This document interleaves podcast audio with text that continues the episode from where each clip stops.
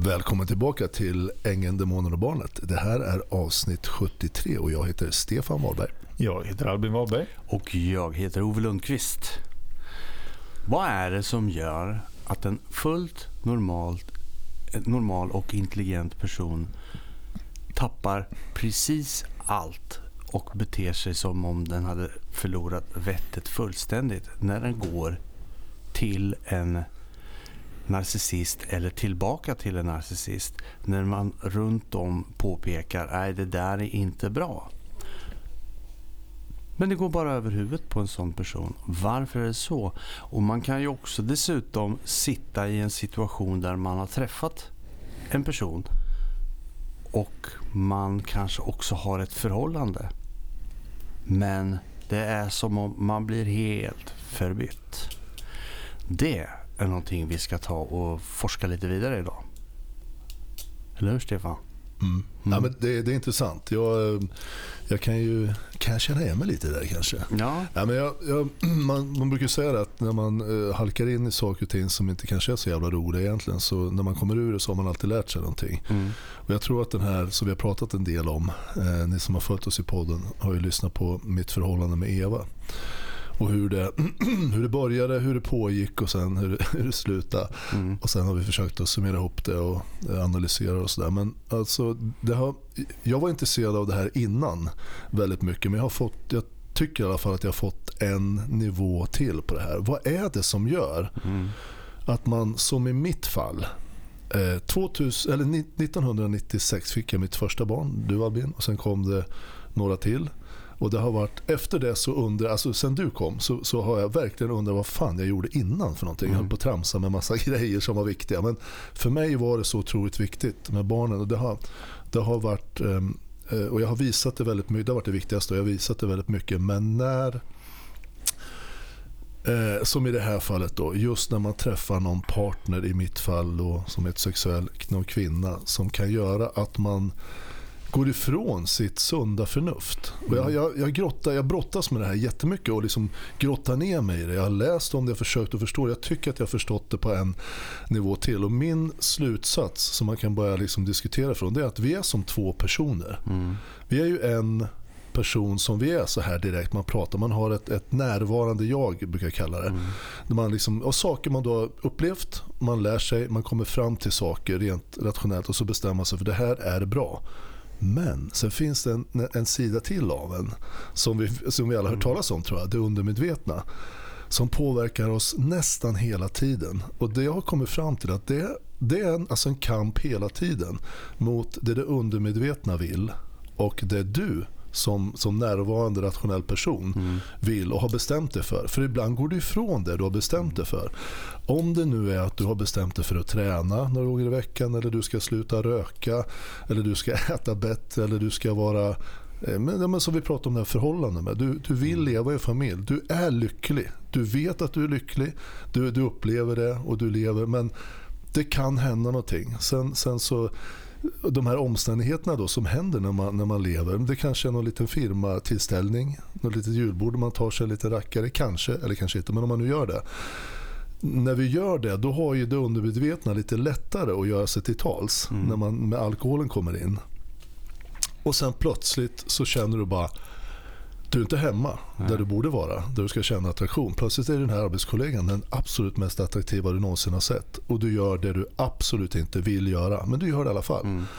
Vad är det som gör att du gör det? Jo, det är det undermedvetna då. Som går in och skjuter till dopamin. Och när du har lite alkohol i det, då blir det ju ännu mer dopamin. Mm. Då, då, tappar du, då har du ingen kontroll på dopaminet. Det är kanske samma nivå dopamin, men du har ingen kontroll när du får i alkohol Nej. i det. Som du har när du är nykter. Då kan du kanske känna att det här är på gång, du avbryter och gör något annat. Men, men det är ju, det är, det är, man ser det här händer ju titt som tätt mm. runt omkring. Och man bara blir helt förbluffad. Mm. Vi har väl alla jag har varit med om det själv, om ni har varit eller sett andra runt omkring. Så man bara står som ett frågetecken. Och som jag tänker lite grann efteråt, hur fan kunde jag göra det här? Som i mitt fall, hur kunde jag gå ifrån och flytta ifrån mina barn? Alltså frivilligt. Ja, men det är ju, jag, jag känner ju förskjuta mig själv när jag tänker på det nästan, om ni förstår mm. tanken. För det är så mm. in i helvete bombat. Mm. Det är så jävla dumt så att det finns ju inte, det, jag, jag, kan inte förklara det någon gång om jag så skulle försöka. Och den enda förklaringen som jag har förstått det är att vi, vi, vi, vi dras med det här jävla undermedvetna. Mm. Men var det inte någon som sa till dig då vid det här tillfället att nej Stefan, det här är nog in, ingen bra idé? Jo, det var en av mina nära vänner som jag berättade för först. Och han tittade på mig direkt när jag sa det. För han har nog, han, han är då kommit lite, lite längre och liksom familj, det, det, det, han, han hade lärt sig liksom att strypa man ska säga innan det drar iväg för mycket. Han såg direkt på mig att jag hade träffat och man blir ju lite Mm. eh, man blir lite lätt till sinnet och man är lite nyförälskad och som man är. Och så han sa Stefan, det här är inte bra. Det, här ska gick inte över göra." huvudet på dig? Ja. Ja. Och jag, liksom, jag lyssnar ju på det och jag har jättestort förtroende för honom. Men ändå så kunde jag inte... Alltså det, det, undermedvetna gör dig dum i huvudet för en stund. Mm. Och jag, nu, nu menar jag faktiskt allvar. Jag kan säga det, det är helt självupplevt. Jag, som sagt, jag har också läst om det, hur det funkar. Du blir bokstavligen dum i huvudet av dopaminet Mm. som skjuter till. Mm. Och den här... Mm, Men det ihop med att då dessutom bli manipulerad av en person, eller egentligen det börjar ju med lovebombing. Det är ju Mm. där det liksom det startar. Narcissisterna de vet ju hur man Mm. spelar på de här strängarna hos folk. Och det är väl klart att får man höra att man är världens bästa och det finns ingen bättre än du och all, allt det här. Det är väl klart att man, man åker dit och så tänker man fan, jag har träffat världens bästa människa. Och då som du säger, dopaminet är ju på topp. ja, men, men det är det. Och du, du mår ju jävligt bra av det här då. Mm. Jag vill se mig som en eh, vänlig person. Jag, försöker, eller jag vill bry mig om min omgivning. Jag hoppas jag blir uppfattad som det också. Det kan man ju inte veta. Det måste man ju fråga någon som umgås med mig. Men Ja. det är min absoluta inställning och jag, jag vill vara liksom en trevlig person som går att lita på. Men när sånt här händer så blir det ju plötsligt då ja, man är otrogen mot någon. Barnen, hur ska jag hantera det här och allting? Mm. Och man börjar småljuga lite grann sådär som man inte tycker är så farligt. Men sen liksom blir det att man måste Ja, men när ett barn frågar vart är du pappa? Och så har man varit hos eh, eh, ja, den man inte ska vara hos. Vad säger man då? Mm. Jag inte säga att jag har varit hos Britta eller vad hon nu heter. Nej, Ta ett ex- exempel här bara. Eh, det säger man ju inte. nej. Utan då säger pappa jobbar kanske. Det är ju en lögn. Mm. Och där börjar det. Mm. Lite med små lögner sådär. Det kanske man inte tycker är så allvarligt. Men så nästa gång, ja men kan du vara din fredagsmys nu? Kan du komma här, Mm. hem? Nej, pappa upptagen, jag måste jobba kanske man säger igen. Och sen är det igång. Mm. Det här är jävligt destruktiva hjulet och det går fort Mm. som fan. Mm. Eh, och nu pratar vi om om man träffar någon otrogen. Men, men eh, narcissister har ju en tendens. Jag som man då har noterat kvinnor som är narcissister. De dras ju till gifta män Mm. av någon jävla konstig anledning. Men det är för att det finns en stabilitet där tror jag. Ja, jo, om man, om, man, Mm. om man tänker så så är det väl inte så konstigt. Men jag tycker ändå det är märkligt Ja. på ett sätt. Men, Ja. men det är Men, men det, logiskt och på ett annat det är sätt ett fenomen bland människor i stort att eh, gifta män blir mer attraktiva hos kvinnor. Gifta kvinnor blir generellt sett mindre attra- attraktiva hos män. Ja.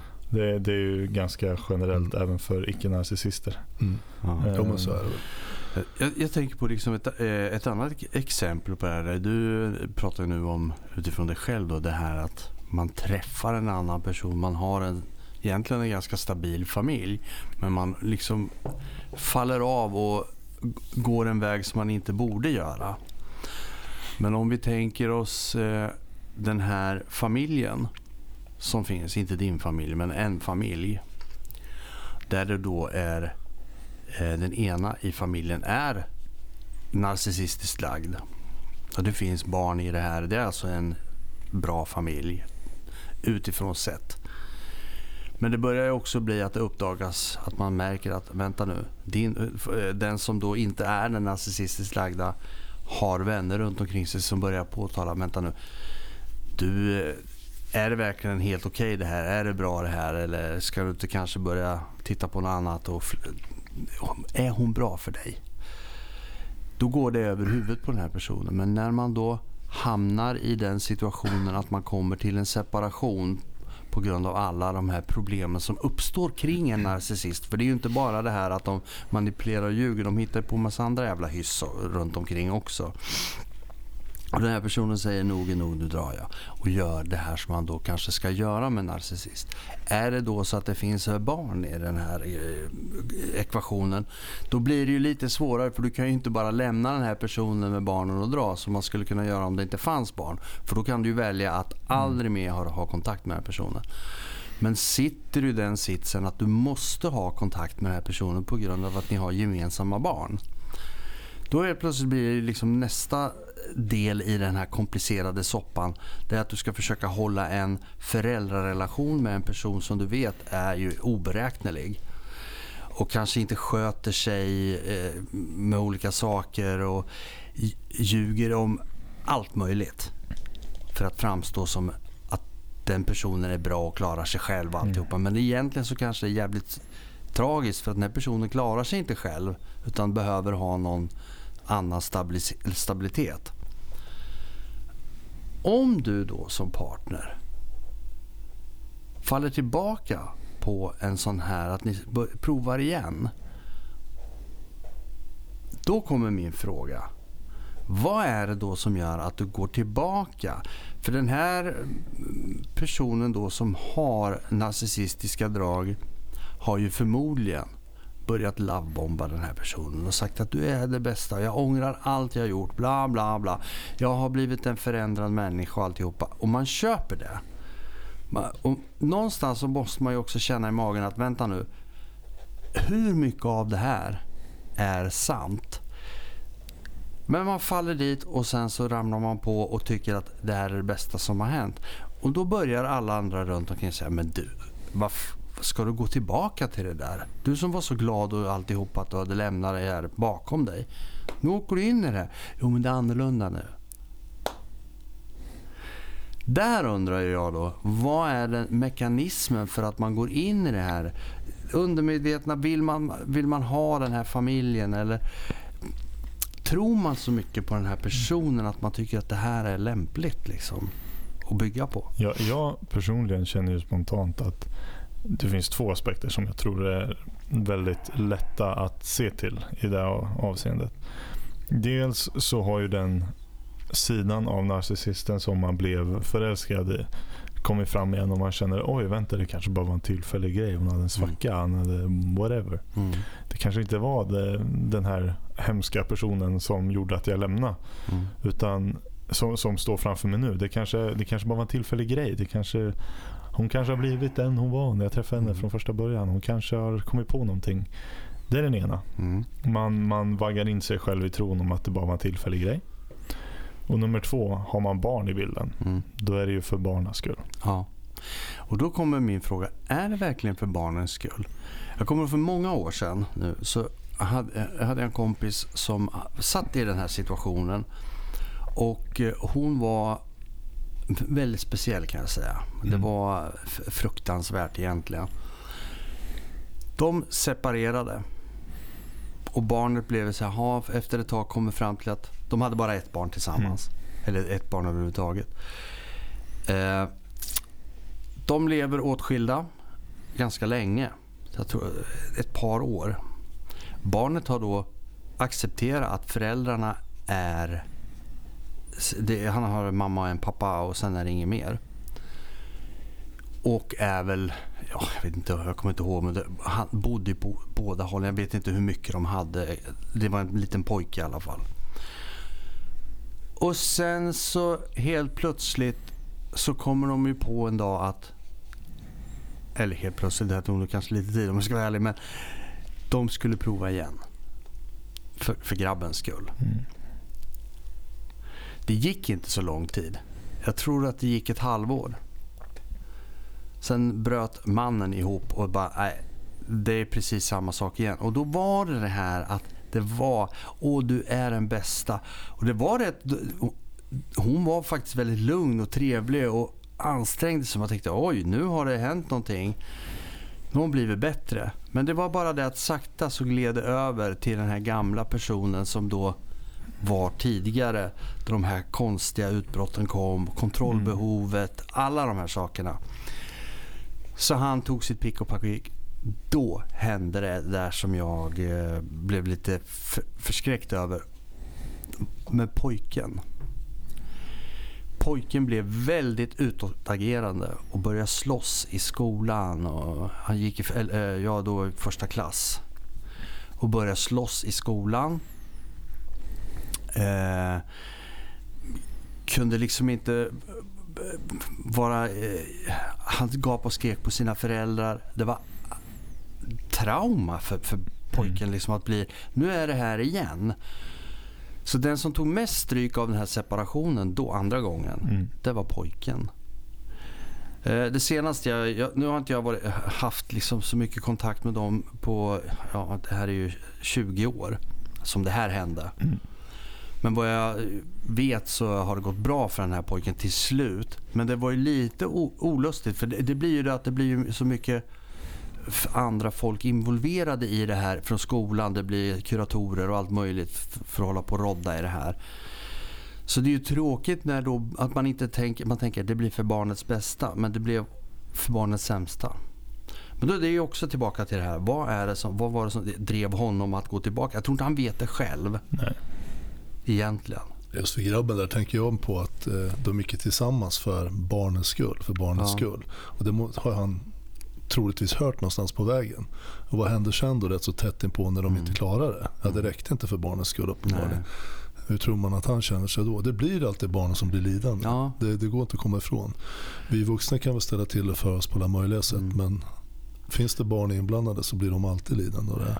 Och narcissister ställer ju till med ett jävla helvete. De klarar inte att vara... de vet inte vad ordet lojal betyder Nej. egentligen. De kan spela lojal en period.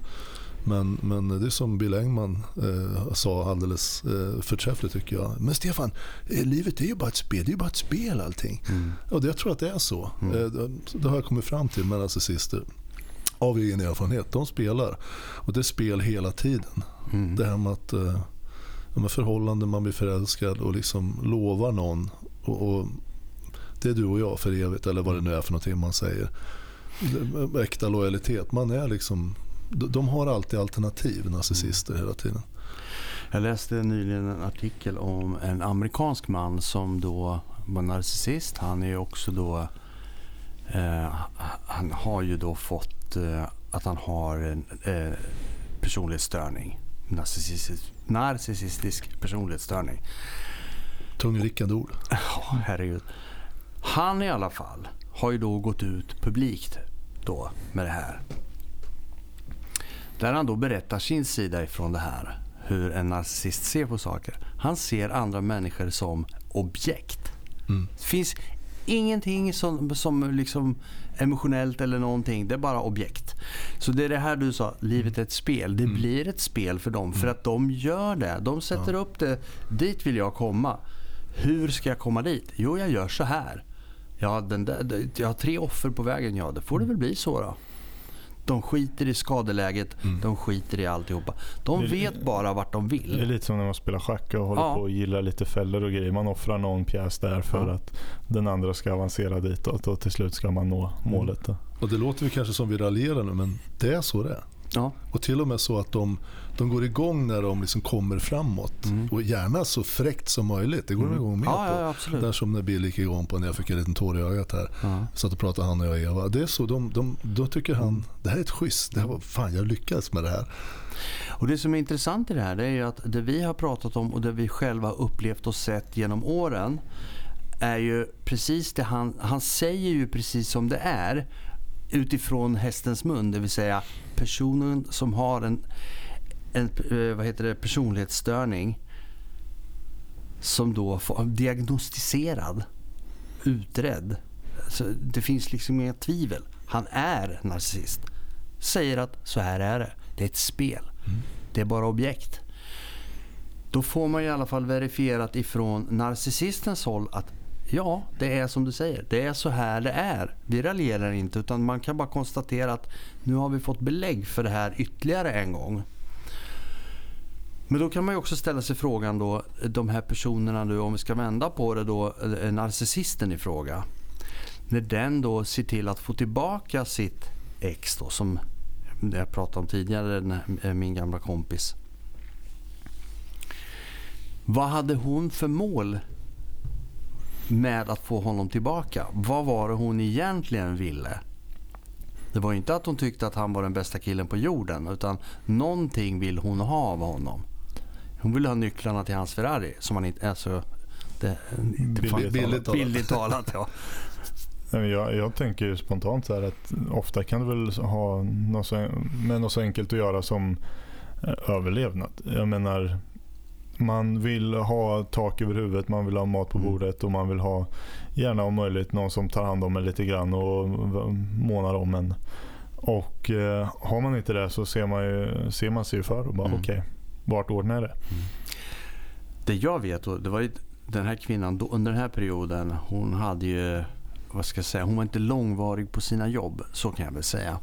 Hon var, bytte jobb rätt ofta och sen hade hon lite fritid däremellan. Eh, Så det, hennes eh, ekonomiska bit var ju kanske inte den bästa. Han däremot hade faktiskt ett ganska välbetalt jobb. Kanske inte det bästa jobbet i världen men han hade välbetalt i alla fall. Mm. Och det är väl klart att då finns det ju liksom också en ekonomisk trygghet i det här. Ja.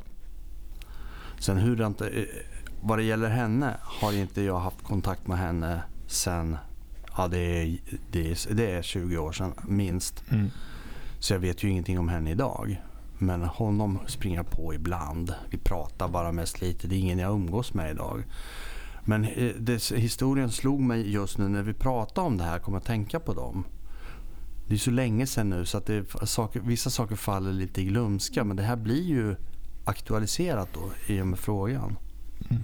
Nej, man ser det ju gång på gång det är så här de, de eh, lever med. Jag sitter och tänker på när du säger när man, på, på det egna jag kan relatera till, eh, framförallt i förhållandet med Eva. Det är varför man, eh, jag har ju sagt att jag har gått ut med den här podden.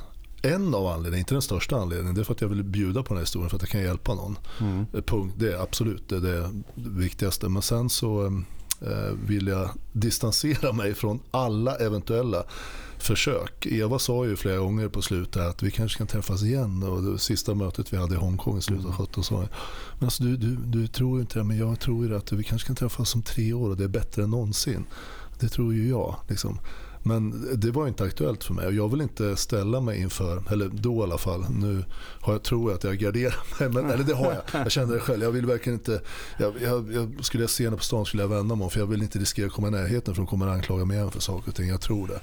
Hon, vi hade ju så pass många år ändå från slutet av nio, början av tio där till 16 i alla fall Mm. som det var rätt bra då första otroheten kom. Och så. Och det är ju ett gäng år ändå. Hon be, där var ju hon hög. Men jag tänkte gå in på det lite grann. När en narcissist är kär eh, då är de de blir höga och dopaminboostade. Inte för att de har träffat en underbart, en underbar person som de ser framtid med resten av livet. Mm. Utan de blir boostade mer av att de har lyckats med någonting. För att ofta så vill de ju det är någonting de vill komma åt. I mitt fall troligtvis, om jag ska försöka skärskåda utifrån, så, så var det ju att jag hade position. Jag hade jättemycket goodwill överallt. Jag hade jättemycket kontakter. Jag hade ett företag som gick bra. Och jag liksom, ja, men det var mycket som var på gång och det var ett, ett liv som hon hade längtat efter. Där, Mm. Ut och resa och sådär. Hon hakade ju på direkt på resorna. Och, det, och då, då, blev, då går hon igång på att, vi, att jag, liksom, ja, men jag var kär i henne också. Vi gick in i ett förhållande där.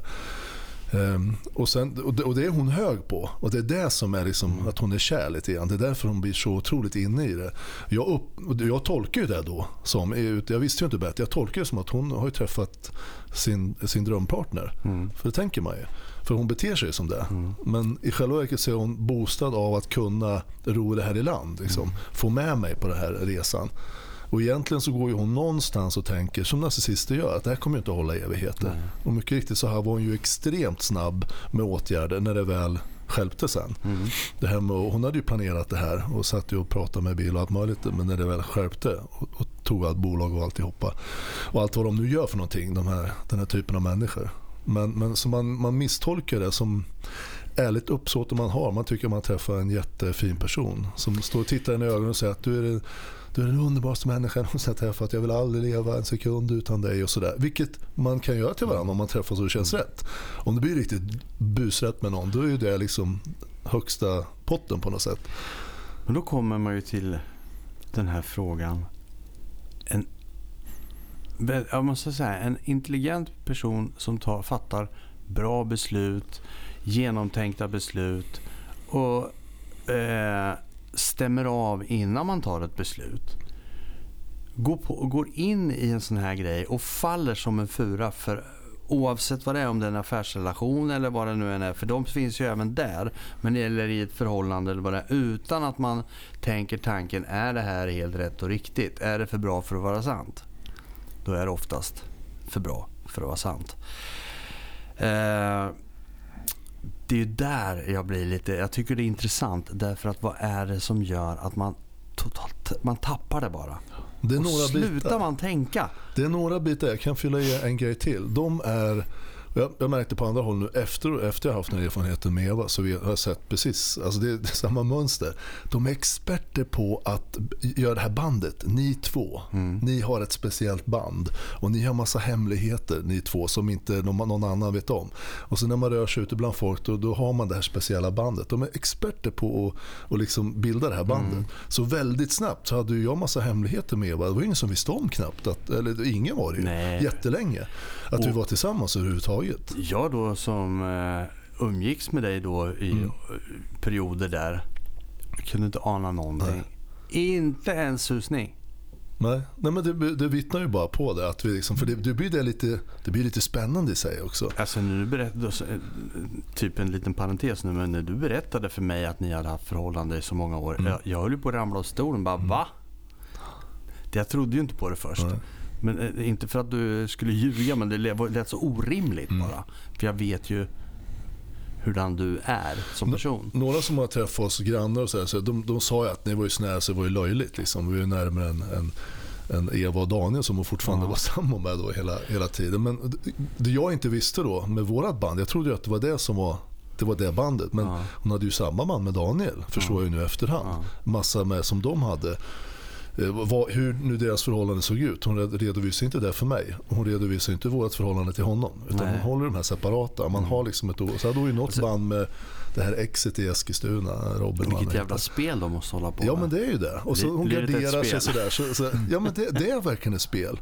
Och det som händer, det som vi var inne och touchade lite på, det är det här det undermedvetna som finns i oss alla. Mm. Som ska styra oss. Och den starkaste driften vi har, förutom mat och rädsla och sådär. Vi har ju, man är rädd för ormar, fast man aldrig har sett en orm kan man vara rädd för en orm och man träffar. Men om man blir hungrig så, så sänder ju kroppen ut olika signaler för att man ska Mm. få i sig och föda och sådär.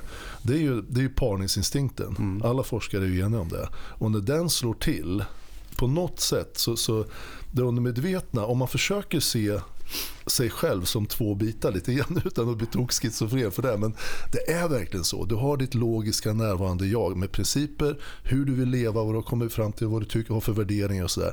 Men så sitter det här undermedvetna som, du har, som liksom följer med i generationer Mm. med DNA. Liksom, som då ska skydda dig. Du ska skydda dig och du ska se till att du överlever så du kan para dig. Det låter ju jättekrasst egentligen. Mm. Men det är grunden i det och det har hängt med så länge så det är som en gammal dinosaurie som är med. Och det man ska tänka på, det undermedvetna vill inte att du ska vara lycklig. Eller det skiter i det, det bryr sig inte om det. Nej. Det undermedvetna vill att du ska överleva och skydda dig så att du kan överleva så du kan föra avkomma vidare. Och du måste förstå att du har en sån i dig. Kan man säga, så här kan man inte prata, kanske någon säger nu. Ja men lyssna på forskare som har forskat i det här. Det låter som reptilhjärnan slår till och Ja börjar... men den gör det. Och när det undermedvetna utan din direkta kontroll får för sig att den här partnern, den vill jag den tycker jag är lite attraktiv, den vill jag nog para mig med. Tycker du Ja. undermedvetna nu? Ja. Inte du som är, du kanske vill leva ett helt annat liv. Då kommer den sända signaler av dopamin bland Mm. annat som gör att du bara boink, väldigt fokuserad på den här personen. Och är du inte helt klar med hur det här funkar då är risken väldigt stor att den här personen, om det då är en narcissist som kan sp- spela in dig, då är du farligt ute. Alltså jag tänker då, en narcissist bästa kort att spela, det är ju att locka fram dopaminet hos den andra personen. Ja, så kan man faktiskt För uttrycka då blir ju den eh, än mer lättmanipulerad. För det gör man ju då genom att säga fantastiska saker om den här personen. Då blir de ju så här ett dopaminrus av lycka. Ja, vad gör du då? Ja, då kan du fortsätta mata på. Så det känns ju lite grann som att det är det de använder som sin... eh, Alltså sitt sätt att locka in dig. Är du påfågel då har du den här stora. Ja, och visar, men det, här är deras, det här är deras signum, alltså det är Ja. deras nummer ett-kort. De vet precis hur de ska fånga in dig genom att spela. Om det är någon kvinna, du är man och du är heterosexuell. Då spelar de på sin kvinnlighet precis på, på rätt sätt och då känner av dig hur du är. Och sen lockar de in dig. Och det är, är du inte medveten om det så... Och männen de, de bjuder på fina restauranger och smycken och de är liksom är gentlemen och de säger det är den finaste mannen någonsin. Ja. Alltså det här har vi hört, och dessutom vi har ju hört det många gånger och framförallt också från våra lyssnare som har delgivit sina upplevelser och sina his, egna historier. Mm. Vi har ju en hel drös av dem. Men vi kan plocka, jag kan plocka en bara, en av många. Som, de är lika varandra men det var en kvinna som då hade också då träffat en man som var den mest fantastiska mannen på jorden. Och alla kompisar sa vilken trevlig man.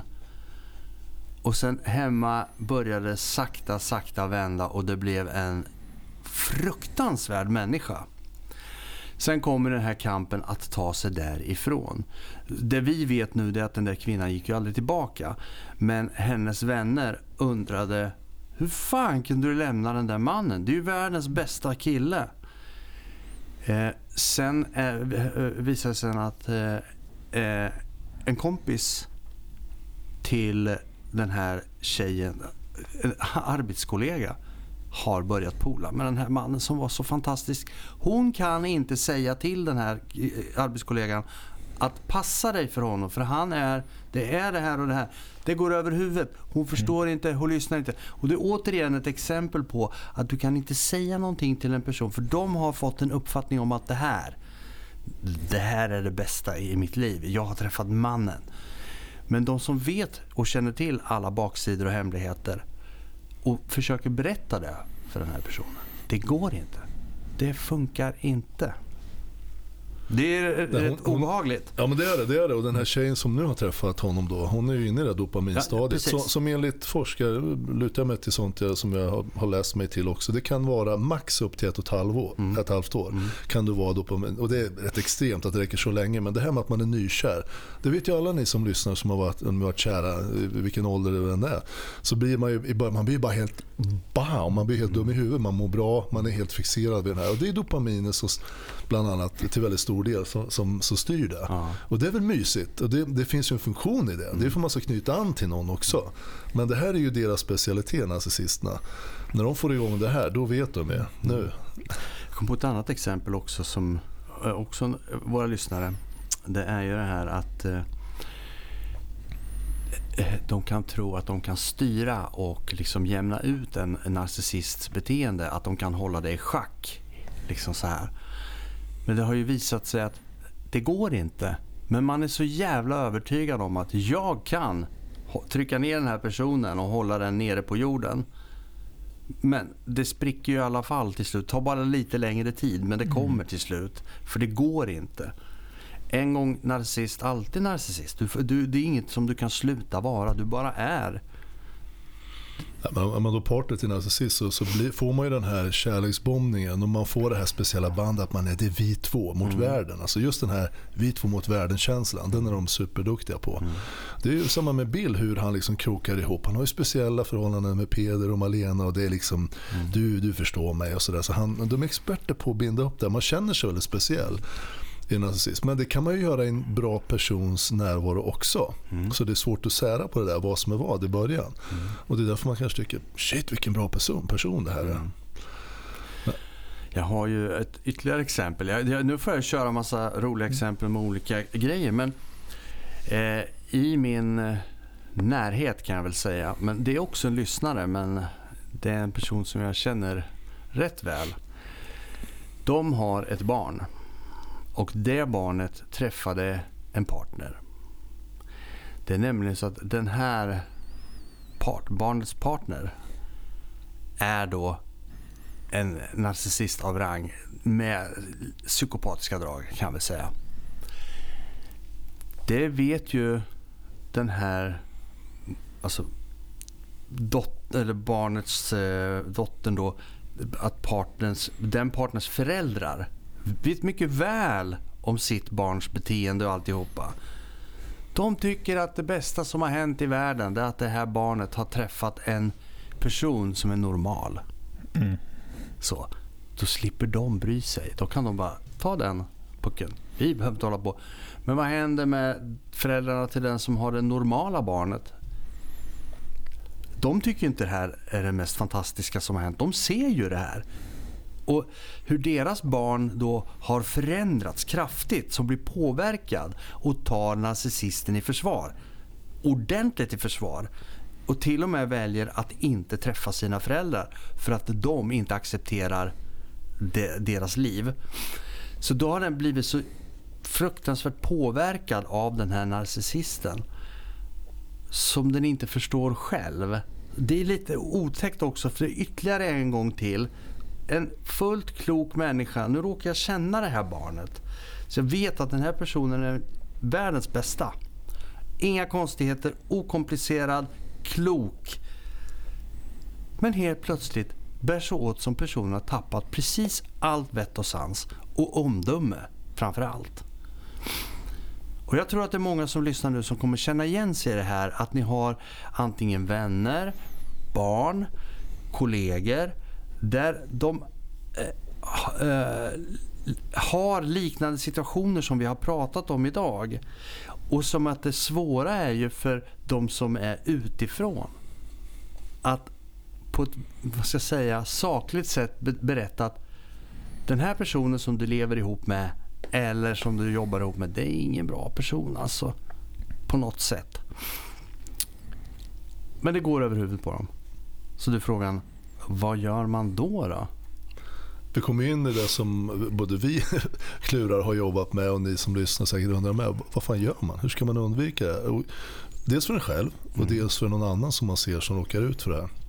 Och det är svårt för som vi sa, de, de imiterar ju en väldigt förälskad person mm. för att du ska tro att de är så förälskade i dig. Och de, på en narcissistisk nivå, om ni förstår mig rätt nu, så är de förälskade. Mm. De går ju igång på det här. De är ju mm. de, dopamin liksom och sådär. Men det du inte vet nu, det är det som kommer sen. När du väl börjar se problemen och om det kommer in otrohet eller vad det är. Mm. Då svänger de, så de kan svänga på en minut liksom, så mm. är de borta. Och de har inga problem med att bara växla bort dig. Det är det man inte har om man Nej. är förälskad. Då har man en sorgperiod. Det är som att sörja en människa nästan mm. i ett tag, några månader, kanske tar till och med något år. Eller mm i vissa fall ännu längre. Men man ska försöka hålla det så anständigt som möjligt. Man sörjer en stund och sen är man färdig. Men det tar ju en stund i alla fall att bli färdig med någon som man har verkligen varit förälskad i. Mm. Man går ju inte bara vidare. Narcissister har ju några på lager hela tiden. Därför mm. att de kan inte vara själva. Nej. De funkar inget bra själva. De går nästan under. Alltså. och grejen med narcissister jag tänker också på är ju att Ofta när, du, när man går ifrån en narcissist, eller en, en vanlig person. Mm. Man går isär, man inser att vi, oavsett om man var i ett förhållande eller vad man än var. Eh, så inser man, okej okay, vi var inte ämnade för varandra på det här sättet. Nice, nu skiter vi i det. Går vi vidare. Bra, det är jobbigt ett tag och sen så kommer man över och så går man vidare. Men narcissisterna många gånger vi har ju redan eh, gått igenom hur de alltid har kvar någon tråd till all, de, har all, de har aldrig uteslutit någon helt utan Nej. de har alltid liksom eh, vad heter arkivet med ja. alternativ kvar. Och eh, det kommer ju resultera i att de ofta gör grejer som de gjorde i ditt fall här Stefan. Eh, där hon håller på att baktala dig och sprider rykten om dig och ska underminera all goodwill du har och eh, alla eventuella möjligheter till att ha kvar dina affärsrelationer ska hon underminera och hon håller på att ställa till ett helvete för dig efter att ni har valt att gå isär. Eller du har valt att gå ifrån henne snarare. Eh, då gör ju hon processen för dig. Du kan ju inte bara, okej okay, då fortsätter jag med mitt. Nej, för hon är kvar och ska hålla på och sabotera ditt. Så man, man får inte möjligheten på samma sätt att bara Okej, okay, vi har kommit överens om det här. Då, mm. då har vi respekt mot varandra och skiter i det här. Utan det, det det här ytterligare lagret av att okej, okay, du ska sabotera för dig. Man mm. blir inte av med dem på det sättet ofta. Mm. Utan det, det kom... händer ju inte alltid så att de blir, det är när man, Nej, ja. som i mitt fall, att ja. man tar verkligen, nu har jag fått nog här, ja. nu, nu är det bra för mig, på, på för alltid. Liksom. Mm. När de fattar att man har sett igenom dem, mm. man har liksom greppat vad fan det är som pågår. Mm. Då, då jävlar, då får du se på grejer. Då, då blir de ofta så här. Mm. Att de... Eh, tar till allt vad de kan, plus lite till och lite Mm. till. Mm. För att vara så jävla elaka som möjligt. För de har ju inte läm de lämnar inte, de vill ha de här alternativen. Det var ju som hon sa när vi träffas, Mm. sa ju förut i podden här att, eh, i Hongkong att ja, men vi kan träffas om tre år. Det vill hon ha kvar, som är, för kommer det inget annat som är bättre Nej. och liksom om hon är själv, då kan det vara rätt så schysst att ramla tillbaka. För hon Ha vet alltid att hon, bakdörren lite öppen. Ja, för så, Ja. så mycket, eh, min syn på kvinnor och allt det där, trots vad hon har sagt, det vet hon ju. Här har hon ju tryggt och bra liksom, Mm. hos mig. Jag, hon var alltid så glad att jag skyddade henne var vi, alltid, var, var vi än var i världen. Så, så, där. så hon vet ju att på någon grad så har hon det ju tryggt och bra Mm. hos mig. Ja. Men hon vill ju fortfarande ut och spela och hålla på och få Mm. dopaminkickar. Och sen så när det kanske inte fanns något annat, då kanske hon kunde komma tillbaka en stund igen. Men det vill inte jag och då jävlar, då, vill- då blir hon förbannad för då funkar ju inte den planen för henne. Då får man smaka på demonens liksom, salver. Men jag tänker på den här artikeln jag läste om den här amerikanska narcissisten. Så det här med otrohet. Det var ju någonting som var vanligt förekommande. Och han såg det som hans fulla rätt att göra det. Mm. Och han hade inget dåligt samvete, ingenting. Det är lite intressant också. Att det här, för det är ju den här samvetsgrejen som inte... De har ju inget samvete. Ja, men det är ju en punkt på de här listorna, Ja. hur man diagnostiserar. De tror att de, har, de, är, de är för mer än andra. Ja. De har andra egna rättigheter som andra inte har. Det är jävla sjukt när man tänker på det. Ja. Jag kan vara otrogen men du får fan inte vara otrogen. Och tycka att det är okej. En annan sak om ni som kanske har varit otrogna här och mått dåligt som fan över det och gjort ett misstag. Det är ju inte riktigt det vi pratar om här. Nej, det här, nej, det här är är ju bara någon sak. som kalkylerar. Ja men händer det så händer det. Ja, kan vi göra det? Det är inte hela världen. Nej. Alltså en del de, de, de lever ju för att vara otrogna. Alltså Mm. de, de letar och jagar det. Mm. Det är något helt annat. Ni som då har gjort det, som du säger, och mår lite tjuvens över det. Ja, det är ju tråkigt att det har hänt. Men det kanske har hänt av andra anledningar. Ni har ju skäl kanske till det. Ni drevs inte av det undermedvetna. Utan det kanske var, ni kanske haft ett trasigt förhållande. Eller någonting som inte har funkat på länge. Det, så kan det ju faktiskt vara. Därmed inte sagt att det, det är rätt eller Nej, nej, nej, nej. att vara otrogen. Men många gånger så kan det finnas eh, man behöver inte vara narcissist för att vara otrogen. Nej. Det kan vara andra olyckliga omständigheter som har resulterat i det. Precis. Och det, det är ett jävla helvete och det är bland det absolut värsta man kan göra med, mot en. Men som sagt, det, det, ska man se ett statistiskt sett så är det ju ex och arbetskollegor. Där har du eh, de överlägset största procenten, där du, den, den du är otrogen med. Och så blandar du in lite firmafest, lite lättare konferens och lite alkohol. Mm. Då jävlar. Och då får du lite mindre kontroll på det undermedvetna som gärna vill ut och para sig så mycket den kan. För det, det är det undermedvetnas liksom, eh, uppgift. Jag eh, ja, eh, pratade med Lotte som har varit med i podden en gång, två gånger. Hon eh, berättade då om, eh, jag tror hon till och med berättade om det i podden. Vart du lite osäker? Ja, men jag tror... Ja, ja, ja, nej, men det, nej, det är ingen fara. Eh, hennes då ex hade, levde ju med en narcissist. Det har vi ju pratat om. Ja. Eh, de hade ju då... Jag tror de hade vadslagning om vem hon skulle vara otrogen med på de här festerna de hade. För det var liksom vanligt fan, så illa. Vem, illa kan det går, bli? vem går hon hem med i den här gången? Alltså, det där blir ju då, då är vi inne på det här, de bara gör det. Mm. Och det folk ska bara acceptera det. Ja, men de funkar på ett annat sätt och det är det som är så jävla, det är, det så jävla svårt att få in. Jag kan fortfarande ha svårt även fast jag tycker jag har grottat mycket i det här och förstått det rätt så bra. Men det är fortfarande, fortfarande svårt liksom att få ihop det att det är det är bara liksom, ja, här var det tillfälle, aha, han är intresserad, hon, mm, okej. Och så bara går man och har sex Mm. och tycker att det är okej trots att man har en partner. Mm. Och det är, inga, det är liksom inga som helst samvetskval. Utan det mer handlar om att jag kunde göra det utan att bli upptäckt. Ja, Mm. Då så. Då är allt som vanligt. Det är ett spel. En en vanlig människa håller ju på att dö. Ja, det det är ett spel Ja. En vanlig människa kanske håller på att dö av samvetskval. Ja. Och du vet många som går hem och säger jag, jag måste tala om det här direkt. De kommer, Ja. Jag har hört flera stycken historier Jo, men en den- de kan ju inte fortsätta hem. ett liv efter de har varit otrogna. De går omkring och mår dåligt Ja. och blir helt andra Nej, människor men de åker hem det första de gör efter och säger Ja. att älskling jag har, jag har gjort något dumt. Liksom. Jag har varit otrogen. De kan inte hålla Nej. och de, det är ett livsmiss, livsmisstag. Det va? känns ju som ett mer normalt beteende när man får dåligt samvete för någonting. Ja. Att man måste liksom, nej, jag måste lösa. För det, ska man leva med det där resten av livet? Det blir svårt. det kommer påverka dig. Alla de här lögnerna, men speciellt den, och den här karaktären så Eh, Men, Ja. men det, det, det är lurigt som fan om vi skulle liksom halka in lite på vad fan gör man åt det. Det är jättesvårt att se. Mm. Det är jätte, jättesvårt att se. Mm. Jag tyckte att jag kunde tolka människor bra när jag träffade Eva. Men ehm, det, det är jätte, jätte, jättesvårt. Där. Mm. Och sen, sen, sen när du väl släpper på, när du accepterar ett förhållande och du blir kär och Mm. ja, men man delar allt och planerar framtid. Du är så inne i det. Och de är duktiga på att underhålla det också. Mm. Och hela tiden påminner om att det är vi och det är vi ingen förstår oss eller det är vi mot världen och ja, men typ sånt. Mm. Och då, då känner du dig väldigt speciell. Man gör ju det. Mm. För det är ju det väl alla vill ha, en, en riktig nära relation. Vi är ju inte ensamvargar, vi är ju flockdjur och dit vi har kommit i utvecklingen i mänskliga, människans historia, där lever vi parvis Mm. och man hittar någon att kroka ihop med liksom, och dela allt med. Det är ju drömmen för alla.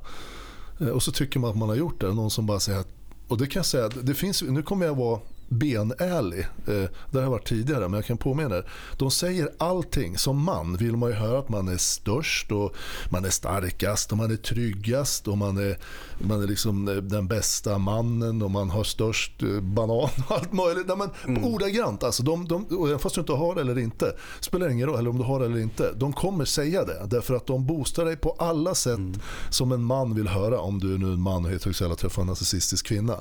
Så är det så de gör.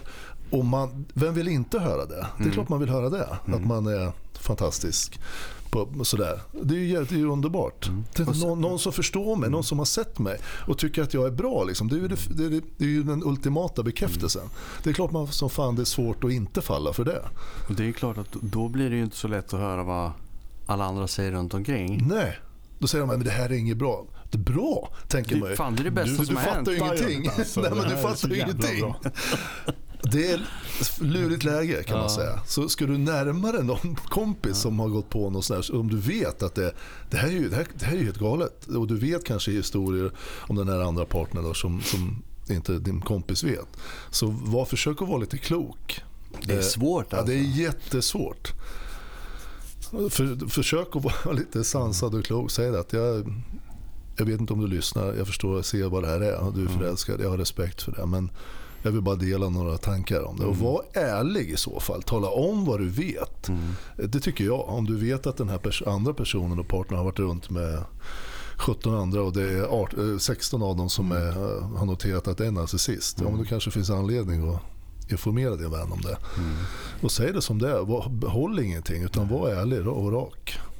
Sen finns det de här då som ser till att utnyttja en person, alltså narcissister som utnyttjar personer eh, rent ekonomiskt. Alltså, vi, vi har, alltså, de såna här gamla klassiska solvårare. Det är ju narcissister som Ja, för helvete. bara ser till att smöra upp en man eller kvinna. Det spelar ingen roll för de finns av alla kön höll jag på att säga. Men, eh, men beteendet är detsamma. De ser till att de hamnar i, i liksom blir så älskade och alltihopa och lurade på och lovade mycket luften om en fantastisk framtid. Och sen så tummar de den här personens på, på alla pengar. Och sen är det bye bye. Är det något du känner igen? Ja, men, alltså, om, de, om de kan, om de liksom gör grand slam, full pott, alltså maximum utdelning. Då är det ju så det blir, som det vart för mig. Ja. Nej, men bara början. Ja. Jag, vet det, som vi, Eva hade ju absolut ingenting. Inte en krona sparat, ingenting. Nej. Det berättade hon för mig. Vi träffades i slutet av 2009. Hon jobbade åt mig där 10 fram till sommaren 10. Mm. Då har hon alltså fått lön av mig som hon inte har behövt röra. Hon har kunnat sätta in allting på sitt konto för jag betalar allting ändå. Mm. Vi var ju inne i ett förhållande här och liksom var på gång och vi reste utomlands redan. Sommaren 10, då dyker upp ett hus som hon vill köpa med sin dåvarande sambo då, Daniel som vi har pratat om. Ja.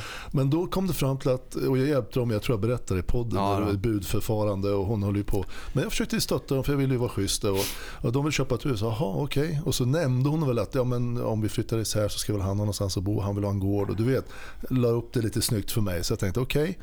För det var lite tid, vi hade varit tillsammans ett halvår hemligt då. Och det är ändå, jag bodde ju fortfarande hemma med, med min familj och sådär. Så jag bara okej, ja, ja, jag hjälper till här. Och då kom det till att det krävdes eh, jag tror hon hade lagt undan då 70 000 på ett halvår. Hon hade väl använt lite av det. Men hon hade lagt undan 70 000. Det var precis 70 000 som krävdes i handpenning för att få köpa huset. Och då kunde hon ta de pengarna som då hon har levt på mig eller på firman Mm. då, och kunna köpa det här huset. Det var ju starten, hennes första då, fastighet som man säger. Och sen så några år senare köpte vi vidare. Och så, där. så de är väldigt eh, finurligt fiffigt intresserade av pengar. Mm. Det är de, nästan uteslutande.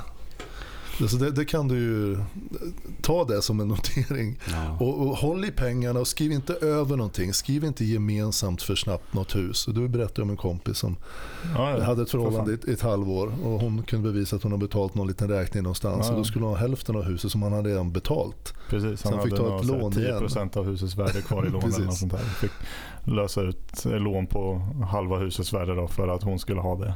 Ja. Och jag säger inte att män är helt eh, oskyldiga till den här typen av beteende men det här är väldigt kvinnligt. Mm. Alltså kvinnorna har ju historiskt sett mer, de är ju klurigare än oss män. Vi män är ju mer raka så. Mm. Så, så, så de har ju, vi, blir ju arga och kanske höjer rösten hi- historiskt sett. Förhoppningsvis gör vi inte det nu i modern tid. Så där, men Jag, jag följer precis ett, ett eh, fall där en man har gjort den här klassiska sol och vår-varianten fast i modern tid. Och eh, nu så börjar det nystas upp en jävla massa grejer kring det här. Så det är någonting som jag följer och jag har kontakt med inblandade kring det här. Och får rapporter lite nu och då. Det är någonting som vi kommer ta upp längre fram så fort allting har lagt sig. Och ja, för det är alla, väl mitt uppe i mitt uppe i, ja, det är, grejer. det är en massa Rätts- rättsliga eh, processer som pågår. Så därför så är det ingenting så. Men det, det intressanta i det här det är att den här personen har klarat sig i så många år att göra liknande saker mot kvinnor, även mot kompisar, alltså runt om. Och det som är mest intressant är att han fortfarande står upp. För det är ju, vad jag förstår, så är det några som kanske är lite otrevliga personer som han har gjort sig lite osams med, men ändå klarat sig. Det är obegripligt. Men vi får, jag får återkomma om det och se var, vart landar någonstans det här. Men män kan också. Ja, för fan. Absolut. oj, oj, oj. Det är, inget så är det. Men det. jag tänkte på det här med sol och vår och i modern tid. Man hör inte så ofta om det, men i det här fallet så är det en riktig klassisk sol och vårare. Spännande. Mm. Mm. Mm. Ska, vi, ska vi avsluta så kan man säga bara det här med som ett råd från min sida som har hjälpt mig extremt mycket och det kan jag verkligen personligen säga från personlig erfarenhet. Det är lär dig skillnaden eh, att, att styra ditt undermedvetna. För det, det undermedvetna du har det är en dinosaurie Mm. som bara vill de här sakerna. Det, det sänder ut massa signaler hela tiden lite grann och det bryr sig inte om om du är lycklig eller inte. Det måste du, ditt närvarande jag, ta kontroll över och lägga upp rutiner. Du, om du nu, som jag sa, om du vill börja träna, det vill inte det undermedvetna. Det undermedvetna vill inte ändra någonting överhuvudtaget.